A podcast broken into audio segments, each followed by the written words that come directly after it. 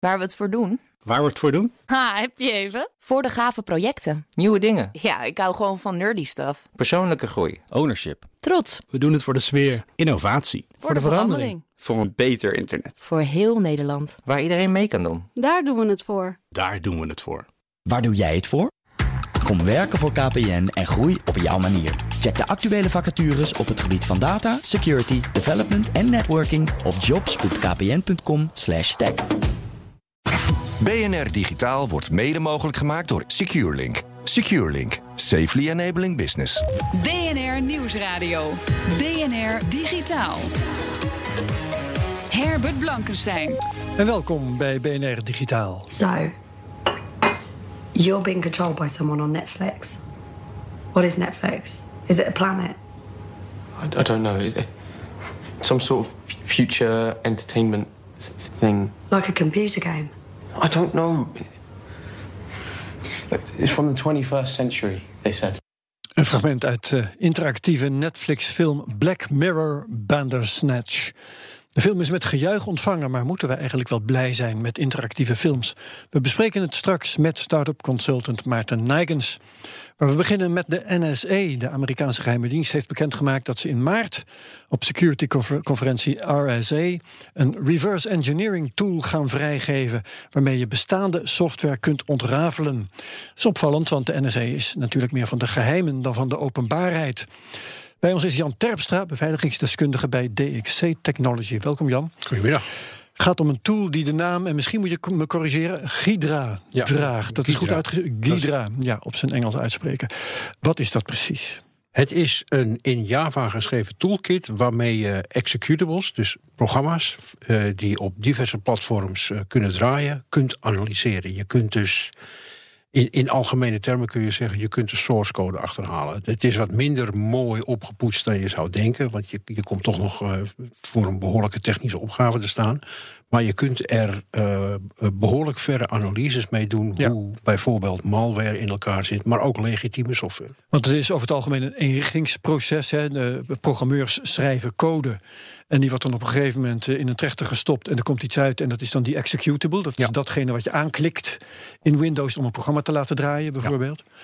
Ehm, maar wat kan je dan bijvoorbeeld achterhalen en wat niet? Kun je daar voorbeelden van geven? Eh, je kunt bijvoorbeeld achterhalen welke eh, systeemfuncties er door een stuk software wordt eh, gebruikt. Eh, welke DLL's worden aangeroepen. Je kunt zien eh, wat voor trucjes er gebruikt worden om zogenaamde obfuscation te doen. En obfuscation is het verhullen van bepaalde teksten die in, het, in de malware staan. Of bepaalde linkjes die pas worden gedecodeerd op het moment dat die malware zichzelf uitvoert. En waarbij een statische analyse of een, eh, ja, het uit elkaar peuteren terwijl het gewoon een bestandje op je, op je harde schijf is, eh, je dat niet kunt achterhalen. En dat Ja. is met deze software eh, al- althans voor een deel wel mogelijk. En dit is software die de NSA heeft ontwikkeld. Dus blijkbaar hebben ze daar zelf iets aan. Wat doen zij ermee bijvoorbeeld? Eh, wat zij ermee doen zijn twee dingen, voor zover ik heb kunnen achterhalen. Dat is enerzijds het achterhalen van eh, de werking van malware. En dat is dus een defensieve taak die ze hebben.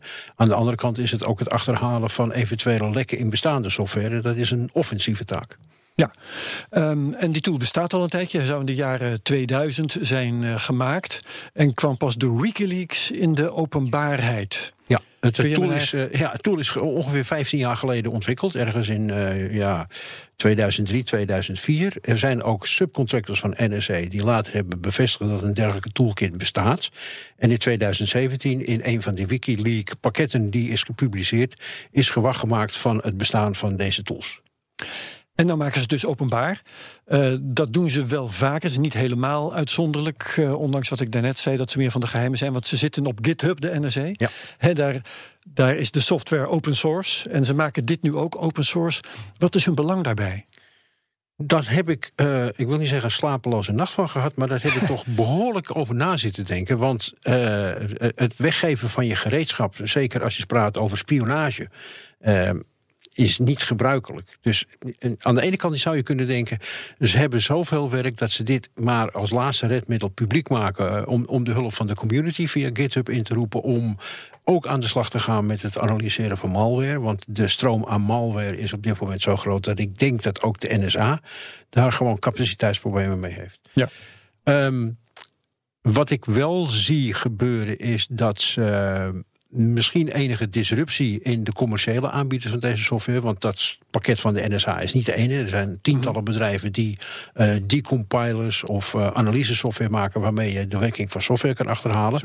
Ja, maar dat zijn pakketten die tienduizenden of honderdduizenden dollars kosten. En die ook Oh. worden verkocht aan geheime diensten. Dat zijn partijen die zullen niet blij Die zijn dat er nu nee, gratis concurrentie nee, is. Nee, die zijn he- helemaal niet, eh, niet blij mee. Ehm, maar is- de NSA zou als doel hebben om die makers van concurrerende software in de maar- rug te nee, steken? dat denk ik niet, maar het is wel een zij-effect. Ik, eh, en de reden dat ze het nu publiek maken is... ik verwacht dat ze een andere toolkit hebben ontwikkeld... waarmee deze eigenlijk verouderd is. Die ze zelf niet meer gebruiken... en dat ze hem daarom ook in het publiek eh, domein eh, stoppen. Ik kwam ergens de veronderstelling tegen dat de NRC, want open source betekent ook dat anderen misschien zin krijgen om er aan mee te gaan ontwikkelen. Mhm. Dat ze aanzien op gratis bijdragen van mensen die het Ja, leuk vinden om zoiets maar te dat, dat, doen ze al, dat doen ze al heel lang. Hè. Dat doen ze via. GitHub, maar dat doen ze ook via congressen waar ze aanwezig zijn. Dat ze proberen mee te Dus liften de GitHub hebben ze daar niet voor nodig, wil je Niet- zeggen? Niet per se. Maar eigenlijk is het toch heel modern eh, wat ze hier aan het doen zijn dan. Eh, ik, ik, ik- we benaderen het nu vrij negatief. Maar ik denk, nou, misschien gaat, gaat deze organisatie zich eindelijk een beetje plooien naar de, naar de toekomst toe ook. Want dit, dit eh, crowdfunding, crowdsourcing. eh, ja, het hoort er natuurlijk allemaal bij om software beter te maken. Ja, Dus Jan zegt dat doen ze ook eigenlijk al. Ja, dat doen ze ook. Eh, Nee, oké, maar ze een- maken het nu dus nog, nog toegankelijker eigenlijk. Nou, je, je hebt het hier over één tool. eh, uit, uit een toolkit van vele tientallen, misschien wel honderden tools. die niet alleen hier, maar ook bij andere geheime diensten wordt gebruikt. Dit is dan één tool wat ze al jaren gebruiken. Ehm, maar wat de, re- de, de daadwerkelijke reden er is, hè, wat hun motivatie is om dit publiek te maken, dat, dat weet ik niet helemaal. Nee. Er zit namelijk ook een gevaar aan.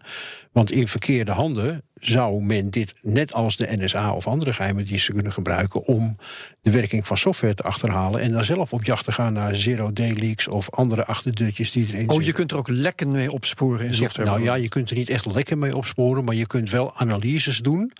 Waarbij je een veronderstelling kunt doen dat er in de software een bepaalde functie zit die je zou kunnen misbruiken. En dan heb ik het niet echt over een zero-day leak, maar over een, soft, een, een, een in de software achtergelaten achterdeurtje. En zero days, dat, dat zijn eh, lekken waar nog geen eh, reparatie voor bestaat. Hè? Dat even voor de duidelijkheid. Ja. Ehm, toen ik dit las, toen dacht ik, ja, eh, gratis tool van de eh dank je de koekoek. Als je dat gaat gebruiken, gaan ze vast kijken wat jij ermee doet. En wanneer en hoe vaak. En, is dat een reële veronderstelling? Eh, het is een reële veronderstelling. Alleen je kunt natuurlijk ook deze software op zich weer gaan analyseren. om te kijken of er hier een achterdeurtje in zit. Als die eenmaal open source is. Ja, als je kan open source is, ja, dan, dan, staat, Ja. dan staat het onder public scrutiny. Hè, dan kan iedereen zien wat de werking van die software is. Dus de, de kans dat dat ge- gebeurt lijkt mij verwaarloosbaar. Ja, ja, ja. Nou eh, was de heilige graal lange tijd in de IT-wereld de source code van Windows. Was druk op Microsoft, ik praat over eh, tien jaar geleden of zo, of nog meer, eh, om de broncode van Windows vrij te geven, zodat mensen zouden kunnen kijken naar hoe veilig dat is en zo. Ehm, kun je zo'n tool als van de NSA, dat Ghidra, kun je dat ook loslaten op Windows om te kijken wat Microsoft allemaal heeft geschreven? Je kunt het loslaten op stukken Windows. En daarmee kun je eh, voor een deel de werking achterhalen van die modules. Bijvoorbeeld een Dynamic Link Library. Zou je kunnen analyseren welke functies daarin beschikbaar zijn.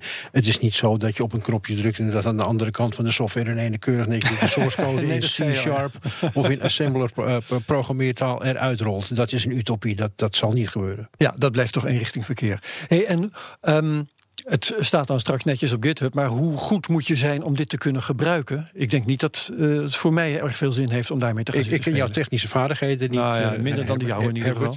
Ehm, ik, denk, dan- ik acht mezelf in staat om dat te gebruiken, dat te bedienen. Want ik heb een vrij langdurige, solide technische achtergrond. Ja. Maar het, het is net. Ik bedoel, als je tuiniert, dan kun je tuinieren met een schep. Wat heel veel mensen doen. Je kunt ook een hele geavanceerde graafmachine doen. Maar die moet je wel leren bedienen. Nou, Ja. zeg maar, in die verhouding moet je ook het, eh, het beschikbaar maken van deze, eh, eh, deze toolkit eh, zien. Ja. Je moet echt een behoorlijke technische vaardigheid hebben op het gebied van automatisering om hiermee om te kunnen gaan. Ja, en waarvoor ga jij het gebruiken? Ga je het gebruiken? Ik ga het zeker gebruiken. Ten eerste uit nieuwsgierigheid. En ik heb nog wel wat code waarvan ik de werking wil achterhalen. Bijvoorbeeld wat malware die ik in de jaren verzameld heb en eigenlijk nooit naar gekeken heb.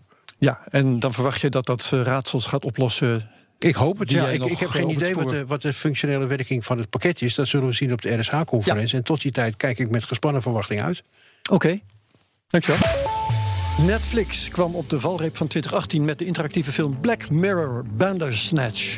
Een film of misschien toch meer een game? Dat bespreken we zo. BNR Nieuwsradio. BNR Digitaal. En welkom terug bij BNR Digitaal. So, why aren't you in a more entertaining scenario? I mean, wouldn't you want a little more action if you were watching this now on telly? Ja, wil je meer actie of niet? Je hoorde een fragment uit de interactieve Netflix-film Black Mirror Bandersnatch. Precies op het punt waar jij als kijker mag kiezen namens de hoofdpersoon David Butler. Wil je meer actie of niet? We gaan erover praten met internetondernemer en start-up consultant Maarten Nijkens. Yes. Welkom. Dank je. En Jan Terpstra van DXC Technology is er ook nog steeds. Ehm, heb jij die film gezien? Ja, ik heb hem uh, zeker gezien. Ik keek er uh, net zoals vele mensen natuurlijk naar uit. Hè, want Black Mirror is toch wel een fenomeen. Ja. En ik verwachtte er heel veel van. Ik moet zeggen, dit fragment heb ik nog meegemaakt. Ik heb je ook nog kunnen kiezen. Nog meegemaakt? Ik, ik, ben, ik heb hem alleen niet uitgekeken. Ik wil zeggen, heb je het einde gehaald of heb je een einde gehaald? Nou, ik, heb... ik, ben een paar keer game over gegaan. En, ja. en ik, moet, ik heb wel zoiets, ik moet hem echt nog gaan afkijken. Maar op een gegeven moment haakt hij toch een beetje af. Ja, wij hadden op de redactie een discussie. Wesley Schouwenaars, redacteur en ik. Um, over of er één einde was of meer eindes. Weet jij dat eigenlijk? Er zijn meer eindes. Ja. Er zijn meer ja, eindes. Ja, ja, ja dat okay, heb ik begrepen. Heb, dan moet ik zeggen, ik heb een einde gehaald. Ik zal het niet verklappen. Ook voor luisteraars, want we moeten, hè, spoilers moeten we vermijden. Ja. Het moet wel een beetje leuk blijven om, om ernaar te kijken. Maar we gaan het er toch over hebben. Uh, kun jij in het kort schetsen, zonder dat het plezier van mensen wordt bedorven, waar het over gaat? Ja, het, het Bandersnatch is dus uh, eigenlijk van de regisseur van uh, Black Mirror. Dus het, uh, dit, dit keer speelt het in het verleden. Maar het zijn vaak wel wat naargeestige scenario's. Het gaat eigenlijk om een gameontwikkelaar die je volgt. In de jaren tachtig, hè? In De, de games jaren bestaan 80. uit blokjes en... Geweldige soundtrack ja. ook erbij, met fantastische mooie nummers. En, en het is een interactieve film, maar echt een interactieve film. Dus je mag uh, echt op veel momenten keuzes maken... die vrij bepalend zijn voor de film. En zo bepalend ja. ook zijn dat als je een verkeerde keuze soms maakt... dat het betekent dat de film ophoudt en dat je weer opnieuw moet beginnen. En hoef je gelukkig niet helemaal opnieuw te Wordt beginnen. teruggeworpen in de ja, tijd. Je gaat er terug en dan ja. gaat het weer versneld naar voren... naar het moment dat je eigenlijk een soort verkeerde keuze hebt gemaakt... Alleen dat kan op willekeurige momenten gebeuren. En, en uh, wat ik ook nog wel fascinerend vind, is dat die keuze in de film, er zit ook nog een bepaalde tijdsdruk op. Want ik heb ook wel, ik, ik heb dus zitten kijken en op een gegeven moment zeg ik, oh shit, ik moet nu kiezen. Ik zat even niet op te letten. Ja. Had ik te weinig tijd en uh, toen ging het ook verkeerd. Had ik ook diverse keer. En, en dan zal ik ook even vertellen wat uh, collega Wesley Schouwnaars meemaakte. Die keek namelijk samen met zijn vriendin. Erg onverstandig, uh, niet vanwege zijn vriendin, maar omdat als je met z'n tweeën bent, dan ga je het erover hebben ja. wat je moet gaan kiezen. En dan is het al te laat. Ja, die tijd heb je totaal niet. Het is Nee. vrij weinig, denk ik iets van vijf seconden en dan is het klaar. Maar dat betekent dus eigenlijk meteen al dat deze film zich niet leent in deze vorm voor kijken met meer dan één persoon tegelijk. Nou, of je moet een hele harmonieuze relatie hebben. Dat je altijd het met elkaar eens bent. Maar dat heb ik in mijn uh, korte leven nog nooit meegemaakt. En uh, nee, dat verwacht ik niet. Ik, ik, dit is echt wel. Ja, ik ben benieuwd wat Netflix hiermee voor ogen heeft. Want het, uh, ik heb wel het gevoel dat dit echt voor een niche is. Ja. Uh, Jan Terpstra, jij bent er ook aan begonnen, heb ik begrepen. Ik, ik heb het geprobeerd. En uh, ten eerste haakte ik al af, omdat ik het niet gewoon onderuit met een bakje chips en een biertje op de bank kon gaan zitten. Maar ik moest het op een beeldscherm van mijn telefoon kijken. Oh, ja, ja want je kunt laptop het niet, kan het. Je kunt het niet Chrome. Ja, ik heb geen Netflix op mijn, op mijn laptop, want ik ben lui. Ik zit in de huiskamer en ik wil passief vermaakt worden. Dus de, de aard van zelf keuzes maken in die film sloot al niets aan bij mijn belevingswereld ja. van. Uh, vermaak op een nou, groot dat is scherm. Dus, dat is dus een tweede clue. Uh, het hangt blijkbaar af of je hiervan kunt genieten... hoe jouw manier van media consumeren eruit ziet. Ja, nou, blijkbaar ben ik een, een hele passieve consument... want dit, ja. dit sprak mij niet zo aan. En ik ben twee keer... Uh, ik heb het geprobeerd te kijken. Uh, van de week s'avonds dan maar gewoon op mijn telefoon. Nou, dat vind ik al heel oncomfortabel om daar een film op te kijken. Ja. En na twee keer een keuze maken en één keer te laat... dacht ik van, weet je, laat maar. hoe, maar hoe, hoe, interessant, want het hele dystopische karakter... van al die uh, Black Mirror afleveringen sprak mij ontzettend aan. Ik heb ja. echt, echt met spanning zitten kijken. En dit, dit gaat totaal aan mij voorbij. Misschien ben ik er gewoon te oud voor. Ja, je moet je ook afvragen of, of dit inderdaad een film is... of een serie of wat dan ook het, het, voelt voor mij veel meer als een game. Ja. Ik zat laatst Is bij iemand Ja. uh, een spel te Geef spelen naam. op de PlayStation, uh, Red Redemption. Dat, daar zit je eigenlijk ook feitelijk bijna een halve film te spelen, want je krijgt om de havenklap uh, vrij lange fragmenten. Waarbij geacteerd wordt en waarbij je een hoofdpersoon speelt. Nou, dat gevoel had ik hier ook heel erg. En dat is inderdaad wel de mindset die ik ook had. Als je gaat zitten voor een Black Mirror, wil je eigenlijk gewoon geëntertained worden. En niet te veel na moeten denken over keuzes. Want je denkt al heel veel na over wat er, waar, waar, je mee wordt geconfronteerd. En ja, ik, vond dat, ik haakte dus ook een beetje af. Op een gegeven moment, een half uur, dacht ik, ja, pff, okay. drie kwartier, leuk. Maar nee, dit, dit, dit, is niet wat ik nu nodig heb. Dan zal ik zeggen, ter verdediging hiervan. Uh, ik heb zitten kijken zonder die ballast van de rest van Black Mirror. Want daar uh, ben ik dan onkundig van. En ik vond het wel toevoegen die mogelijkheid. Niet zozeer dat je kunt kiezen of er wel of niet meer actie moet komen, bijvoorbeeld. Wat is trouwens een, wel een, leuke grap zit erachter, maar dat ga ik nou niet verklappen.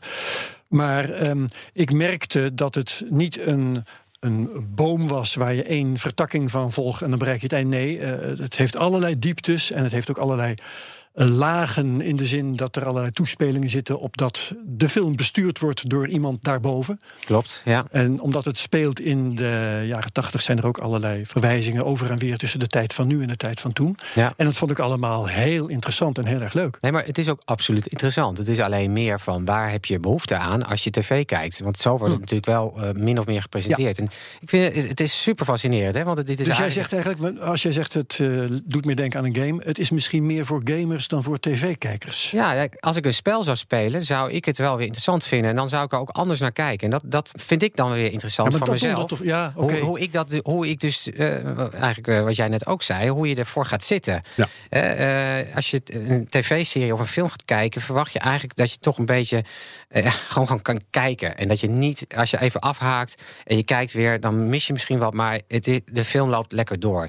En natuurlijk heb je ook wel vroeger dvd's gehad met alternatieve einden. eindes. Hè. Dat vond ik ook altijd wel fascinerend. Ja. Maar hierbij moet je toch vrij veel uh, interactie doen. Ook omdat die tijdsdruk erop zit. Het is niet zo dat als die keuze ja. wordt voorgelegd, dat die stopt. Dus ik vond ook niet aan het kijken, wat, ja, wat vind ik nou leuker? Hoe, hoe moet het verder gaan? Uh, wanneer vind ik het... Maar het, je bent eigenlijk een raadsel aan het oplossen. Ja, ja, klopt. Maar dan denk ik van ja, uh, misschien als ik het een keer overdag zou kijken in de mindset, ik ga nu een spel spelen, dat ja. ik het wel weer heel erg leuk okay. vind. Dat zou ja. voor mij ook wel werken. Maar ik ben geen gamer. Ik ben ergens heel lang geleden opgehouden bij uh, Doom en Castle Wolfenstein. En daarna heb ik nooit meer iets gespeeld.